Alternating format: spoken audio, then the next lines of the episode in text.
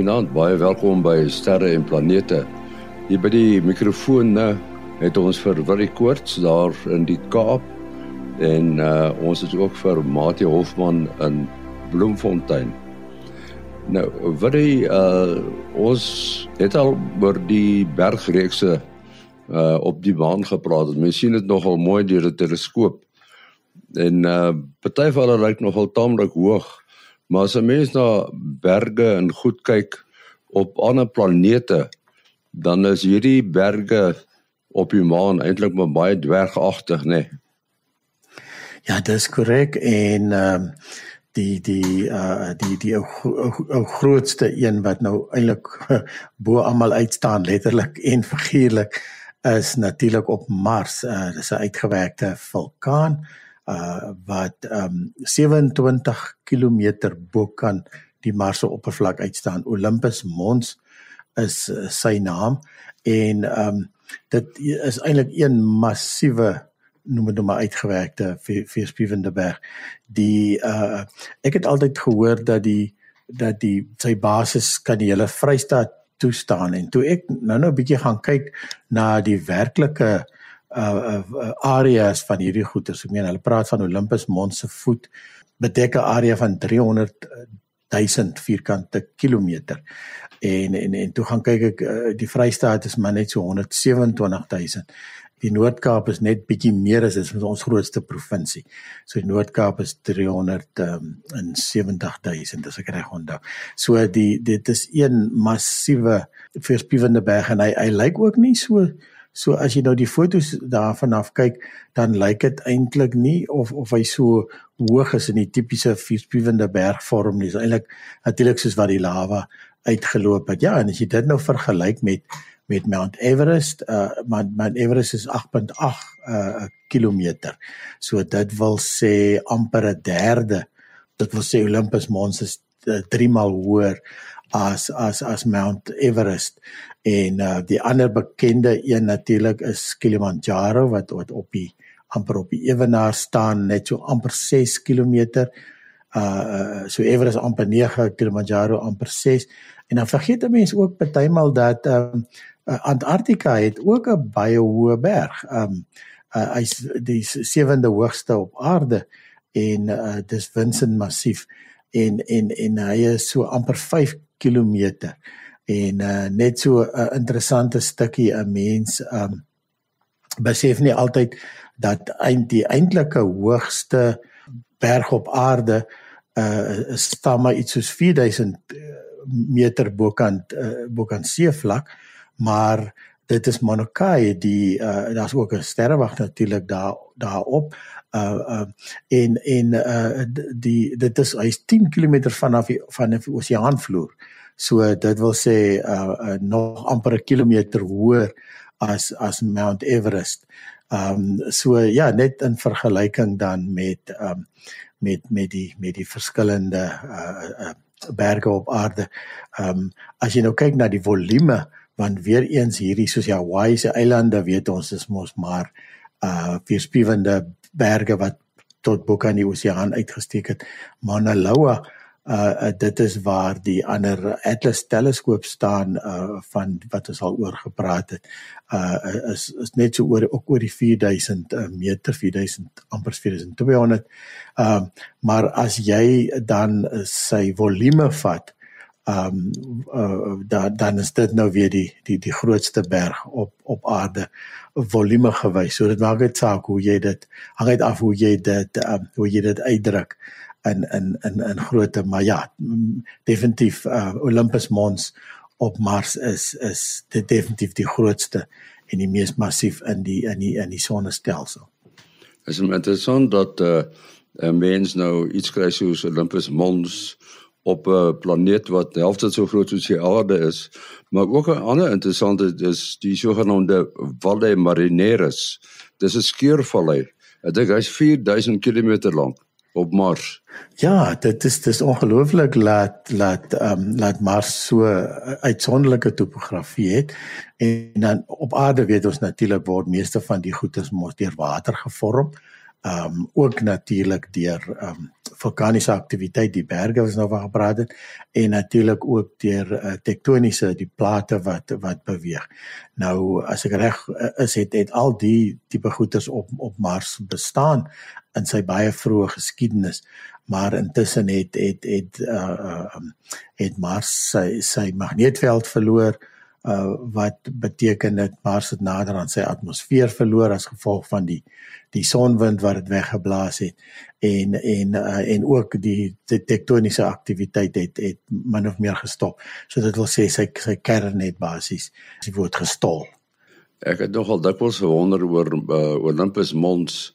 Jy weet hy is so groot uh, en die planeet is relatief klein. Ek bedoel hy is helfte die grootte van die aarde of hy nie die planeet so 'n bietjie onewewigtig maak nie.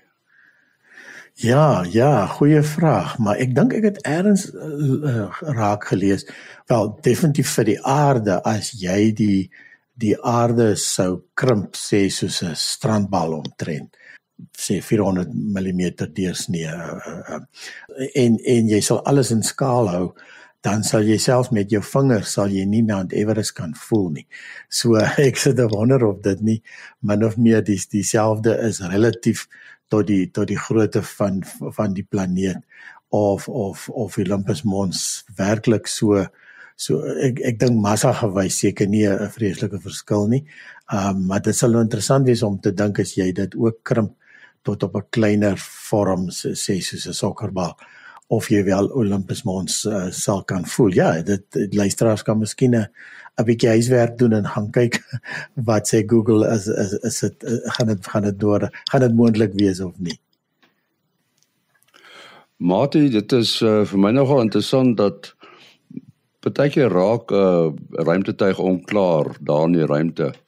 En dan hoor mense dat hulle die ding aan en afskakel en dit gaan my verstand nogal te bowe hoe dit reg kry.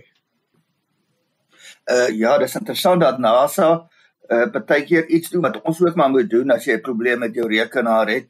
En uh as jy nou nie die probleem kan oplos nie, skakel hom maar af en skakel hom weer aan en hoop dat hy van sy nonsens vergeet. En hulle het dit nou ook gedoen mos uh, met 'n ruimtetuig uh IBEX wat uh, wat nou ook daar op die buitewyke lyk my van die sonnestelsel uh verkenning doen. Ek het, ek ken nie die tuig eintlik goed nie, uh Willie.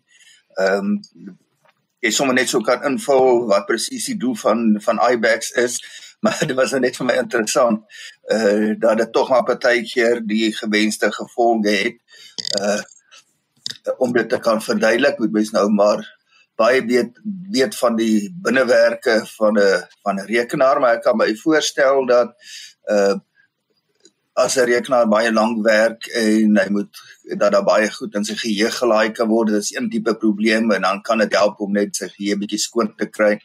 Ehm uh, maar wat nou vir my uh ook baie interessant is, is dat jy dat daar baie keer probleme opduik wat nou nie so uh opgelos kan word nie. En dan's mens baie verbaas dat hulle dit enigstens kan oplos. En die die probleme wat opduik is baie keer ook baie verbasend. En nou kan ons hier na een voorbeeld verwys. Ehm uh, in uh, laas jaar Junie het die bekende tuig Voyager 1 waaroor ons nou al 'n hele paar keer gesels het wat op die oomblik die verste voorwerp uh is wat nog die ruimte ingesteer is. Uh die lansering was daar in die 1970s en Voyager 1 is al amper 'n ligdag uh van ons af om die waarheid sê te sê ongeveer 22 ligure so dit vat die syne wat van Voyager af teruggestuur word na ons die inligting wat hy terugstuur 'n goeie 22 uur om hier uit te kom want daai syne is maar elektromagnetiese uh radiosyne uh, en dis net 'n ander deel van die elektromagnetiese spektrum as sigbare lig en vakuum het hierdie golwe almal ongeag uh, waar hulle die elektromagnetiese spektrum lê die uh, dieselfde snelheid. En dan die omgekeerde is dan ook waar as daar 'n instruksie na Voyager 1 gestuur word, dan vat dit net so lank voordat Voyager uh, 1 daardie instruksie kan uitvoer. In elk geval in Junie laas jaar het hulle toe nou inligting, hulle uh, metriese inligting ontvang wat dit laat lyk het of uh, Voyager 1 se oriëntasie heeltemal uh verkeerd is. En op die ou end het hulle toe uh kon uitwerk dat 'n rekenaar op Voyager 1 wat 'n hele paar jaar lank glad nie gebruik uh, was nie, het skielik begin telemetriese inligting uh, uitstuur en hulle kan nie verstaan hoekom nie. Dit is nogal nogal vreemd. Een moontlikheid is dat 'n ander rekenaar vir daai rekenaar 'n instruksie gestuur het uh, uh om dit te doen, maar dan is die vraag nou maar weer hoekom sou die ander rekenaar so 'n instruksie skielik gestuur het. Uh by elk geval hulle het toe 'n uh, instruksie gestuur om ehm uh, hierdie bepaalde rekenaar wat die fiktiewe uh, telemetriese inligting gestuur het om dit bloot net weer af te skakel en toe is die verwarring uh, uh, opgeklaar. So hulle moet maar sulke instruksies kan stuur. Mens kan nou dink die sagte dit sal nou nie te ingewikkelde sagte ware wees nie. Uh maar om die om die probleem te kan identifiseer is die uh, uh moeilike deel en dan moet jy nou ook die geduld hê van dat jy nou uh dit dit vat nog kan nogal lank vat omdat daar hierdie tydvertraging is 22 uur in elke rigting tussen 'n uh, uh, aksie dat ons dit weet en omgekeer 'n uh, opdrag voordat dit uitgevoer kan word. So in totaal 44 uur voor hulle weet of hulle vordering gemaak het of nie. Matie, uh, as jy nou kyk na die Voyager, jy het nou daarvan gepraat. Nou die goed is in die 70er jare opgeskiet. En die rekenaar tegnologie uh, op daai stadium was glad nie wat dit vandag is nie. Hm. En ek onthou nog Japie het gesê kyk dis ons nou 'n kern aangedrewe tuig. Uh toe het ons hom nou gevra uh hoe praat hulle met hierdie tuig? Toe sê hy wel die die die uitset wat van die kerngedeelte afkom, die die kern aangedrewe deel gedeelte. Die is gelykstaande aan die van 'n 60 watt gloeilamp. Nou jy weet. Ja, ja, ja. daarmee moet hy die elektronika gaan warm hou want daar in die buitenste ruimte word dit is dit baie baie koud en dan moet daar nou nog uh genoeg energie wees om vir die apparate, die instrumente om te kan meet en dan om dit te kan uh, stuur. 'n sender vat 'n uh, verg tog energie. En hoe laer daar die uh drywing van daai sender is, uh hoe moeiliker is dit om daai seine op te vang. Wel dit maar dit is dan hoekom hulle baie groot uh ontvangers op die aarde nodig het om enigsins uh, ek meen dis ongelooflike lae intensiteit syne wat hier by die aarde uitkom oor hierdie ehm um, hele paar biljoen kilometer. Uh wel die die verste planeet uh, Neptunus uh is meer as 3 biljoen kilometer en uh, Voyager 1 is nou uh, veel verder. Mens kan nou vanaf die 22 lugure kan mens nog gaan uitwerk. Jy moet nou nog net daai uh tyd maal met die spoed van lig in die regte eenhede, dan sal ons nou kan weet hoeveel biljoen kilometer is Voyager 1, maar in elk geval is meer as 5 biljoen kilometer al. So so oor daai afstand word die syne baie baie baie verdun. En uh, elke keer as die afstand tussen 'n sender en die uh en die ontvanger verdubbel, dan neem die intensiteit uh, vier keer toe want dit uh, word verdun met die kwadraat van die afstand want want dit gaan oor die die oppervlak van 'n sfeer om 'n punt is 4πr kwadraat. Ehm uh, so uh waar waar r nou die radius is en so daai oppervlak waaroor daardie selfde hoeveelheid energie uh, versprei word. Uh neem toe met die r kwadraat so 'n verdubbeling gee dan 'n faktor 4 mal kleiner. Vir vir die interessantheid oor hierdie IBEX um ruimtetuig ons weet mos dat in die ruimte het hulle ook hulle eie term, terminologie. Eintlik e, enige bedryf toe ek in die plofstof bedryf was, het hulle nie gepraat van 'n ontploffing nie, maar van 'n fume off. So 'n fume off klink baie minder gevaarlik as 'n ontploffing. So uh, hierdie om die rekenaar so aan en af te skakel, uh noem hulle 'n fire code reset. So is snaaks dit. Ek bedoel hulle praat mos van 'n ruimtewandeling as 'n EVA, extra vehicular activity. Nou uh, ja, hierdie ruimte is nogal interessant. Omtrent so groot soos 'n 'n band van 'n vragmotor en en uh, soos 'n klein dingetjie en hy's eintlik hier rondom die aarde, maar soos jy gesê het, hy bestudeer die interaksie van die son en die en die buitenste ruimte. So dit is natuurlik iets wat Voyager doen soos jy nou dalk daar genoem het, maar Voyager is daar waar hierdie dan uh, van van die aarde af gedoen word. Ook ek verstaan. Ja, dit die mens kan nou sê as uh, iemand nou 'n fire code reset gedoen het, uh, dan het hy daarom sy geld verdien, maar as jy rekenaar net aan en af geskakel het, dan verdien jy nou nie geld daarvoor nie. Ek onthou uh Japie het gesê jy weet ek vra toe nou jy weet om 'n uh, 60 watt sein hier by die aarde te kry. Uh dit dit is seker 'n taamlike ingewikkelde tegnologie. Hy sê ja, hulle het groot ore hier op die aarde. Nou wat dit is seker die Deep Space Network, né? Nee. Dit sal wees, dis reg. Ja, Deep Space Deep Space Network is as as drie ehm um, drie uh, uh, stelsels op aarde. Want as jy nou dink as iets baie diep in die ruimte is, moet die aarde maar net in die ronde draai. Dis nie so satelliete wat na in die aarde vlieg waar jy waar jy net uh, uh, vir 'n klein entjie die satelliet kan sien. Die goed is bitter vers sigbaar. So daai kant van die aarde moet net maar net na die satelliet toe wys en en uh so as jy net so stelsels 120 grade uitmekaar uit drie stelsels dan dan kan jy kan jy oral met die buitenste ruim praat. Ja, so die hoof ene is by Goldstone in Amerika en dan is die een in Australië, um, Canberra se kry onthou en dan is die ander een in Madrid, Spanje. D dit was mos destyds hartebesoek uh in in uh, in by by uh Kreersdorp. Uh en en en nou kyk hulle mos weer na 'n stasie by Maatjiesfontein wat dan ook deel gaan wees van die Deep Space Network. Mens sien voortdurend die resultate van die uh, James Webb teleskoop. Nou ek onthou destyds het jy mos nou hierdie ultra diep foto's gekry van die Hubble teleskoop wat 'n uh, sekere deel van die ruimte afneem. En ek het onthou die laaste een was het hulle 10000 sterrestelsels gekry.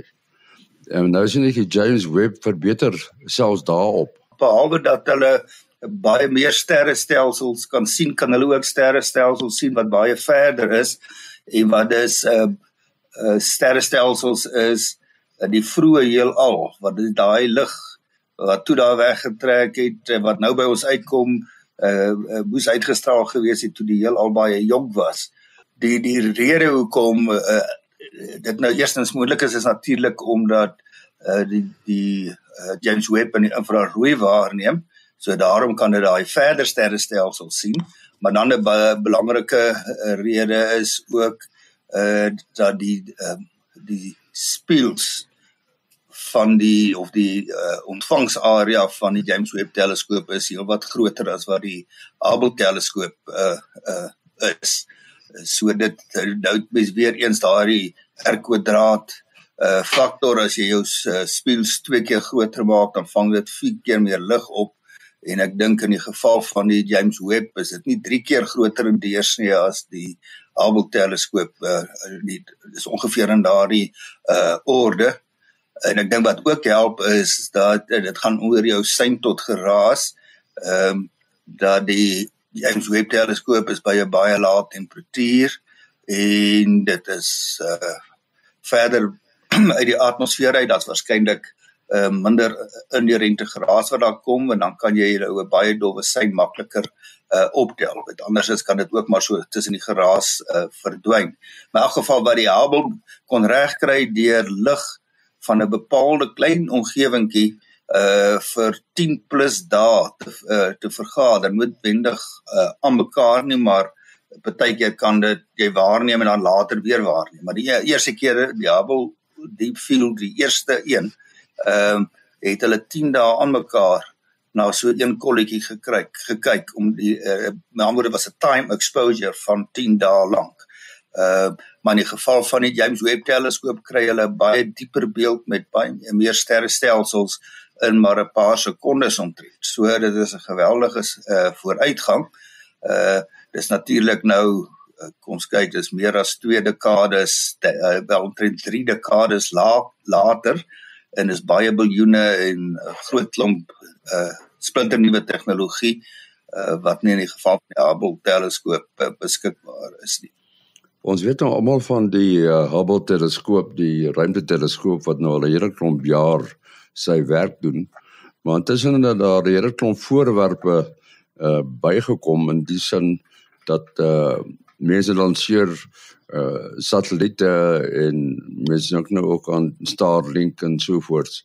En ek het al dikwels gewonder of al hierdie voorwerpe want hoe hoog vlieg Hubble is om dit 400 km uh of hierdie voorwerpe nie 'n bedreiging vir die Hubble inhou nie. Ja, korrek en en daar's nou nogal 'n artikel wat hulle bietjie 'n vooruitskouing geneem het. Um uh, net so 'n uh, uh, uh, week of twee gelede het ek eers 'n uh, artikel gesien of uh, of net 'n opskrif eintlik maar dat op die stadium um is die helfte van werkende satelliete word deur SpaceX besit. So uh, hulle het regtig in die laaste uh um wat is dit 4 5 6 jaar seker uh, selfs minder het het hulle regtig die ruimte begin dom, domineer nou ja uh um die die die Starlink konstellasie uh, uh poog om uiteindelik 42000 satelliete in die, in die, in die hemel te hê. Ja, en soos jy sê die die eerste generasie van uh, Starlink satelliete um se baan is so 550 km en soos jy sê Hubble is is net so oor die 400. Dit wil sê um effektief moet uh, moet Hubble noem dit maar deur hierdie satelliete kyk. Nou nie nou nie nou nie regtig in die in die regte sin van die woord nie, maar maar dit beteken dat ook dan dat daar da, da gaan binnekort 'n uh, uh, groot kans wees dat Hubble nie enige foto kan neem sonder dat daar 'n satelliet deur die veld beweeg nie. Nou uh, toe hulle destyds um en ek ek dink op 2021 rond het hulle 'n studie gedoen um en en toe gesien hoe wat, wat is die noem dit nou maar die die die die die die pla faktor die hoeveel hoeveel kan satelliete um Hubble se se beelde beïnvloed en se se wetenskap dan natuurlik nou. Um toe was daar 'n so 6% kans dat uh, dat Hubble op enige gegee oomblik 'n uh, 'n uh, uh, satelliet streepie deur sy deur sy uh, uh, beeld gaan kry. Um wat natuurlik in baie gevalle moet weer afhangende van die tipe observasie wat hulle doen. Uh bytelmal beteken dit dat die die beeld moet oorgeneem word, hy moet weer geneem word. Of Ehm um, as as ek ek is nie seker hoe die uh, prosedures werk nie, maar dit dit uh, ek dink miskien word die goeders nie ad hoc gedoen nie, maar agterna ehm um, as die data gestuur word en die mense uh, ontvang hulle data, dan uh, kan hulle uh, uh, daarop uh, uh, kommentaar lewer en sê sjoe hierdie hierdie beelde het nie vir ons gewerk nie. En uh nou ja, die, die uh, uh, daar's nou nog ander mense ook uh, as SpaceX as Amazon as OneWeb, daar's Galaxy Space, 'n klomp ander um maatskappye wat iets soortgelyk wil doen as wat uh, Starlink is om ook uh, internet uh, reg oor die wêreld te verskaf. En die kans is um as as hulle almal hulle hulle satelliete opsit dit gaan 'n 10 dit gaan 10 maal meer 'n uh, 'n probleem veroorsaak as wat dit wat dit tans veroorsaak en um, en dan dan beteken dit die die kanse vir vir Hubble uh om om nog aan te gaan met sy met sy uh navorsing raak raak al hoe minder. En dit uit die aard van die saak dit dit kos nog steeds geld om Hubble daar te hou um om te bestuur en so aan. So op 'n stadium uh um hulle reken so miskien 10 jaar of so van nou af uh, as Hubble natuurlik uh, nie nie enige probleme ontwikkel nie. Um sal sal in plaas van om om die om net op te hou ag uh, uh, as gevolg van die uh, uh, tegniese probleme met die teleskoop uh tot sy einde te bring kan kan dit naderhand beteken dat dat um dat satelliete die die grootste probleem kan raak. Matie, wat is jou besonderhede? Selfoonnommer 0836257154. 0836257154. En nou wat is? Is 0724579208. 0724579208. En die program se e-posadres is sterreplanete@gmail.com. sterreplanete@gmail.com. Tot volgende keer. Mooi loop.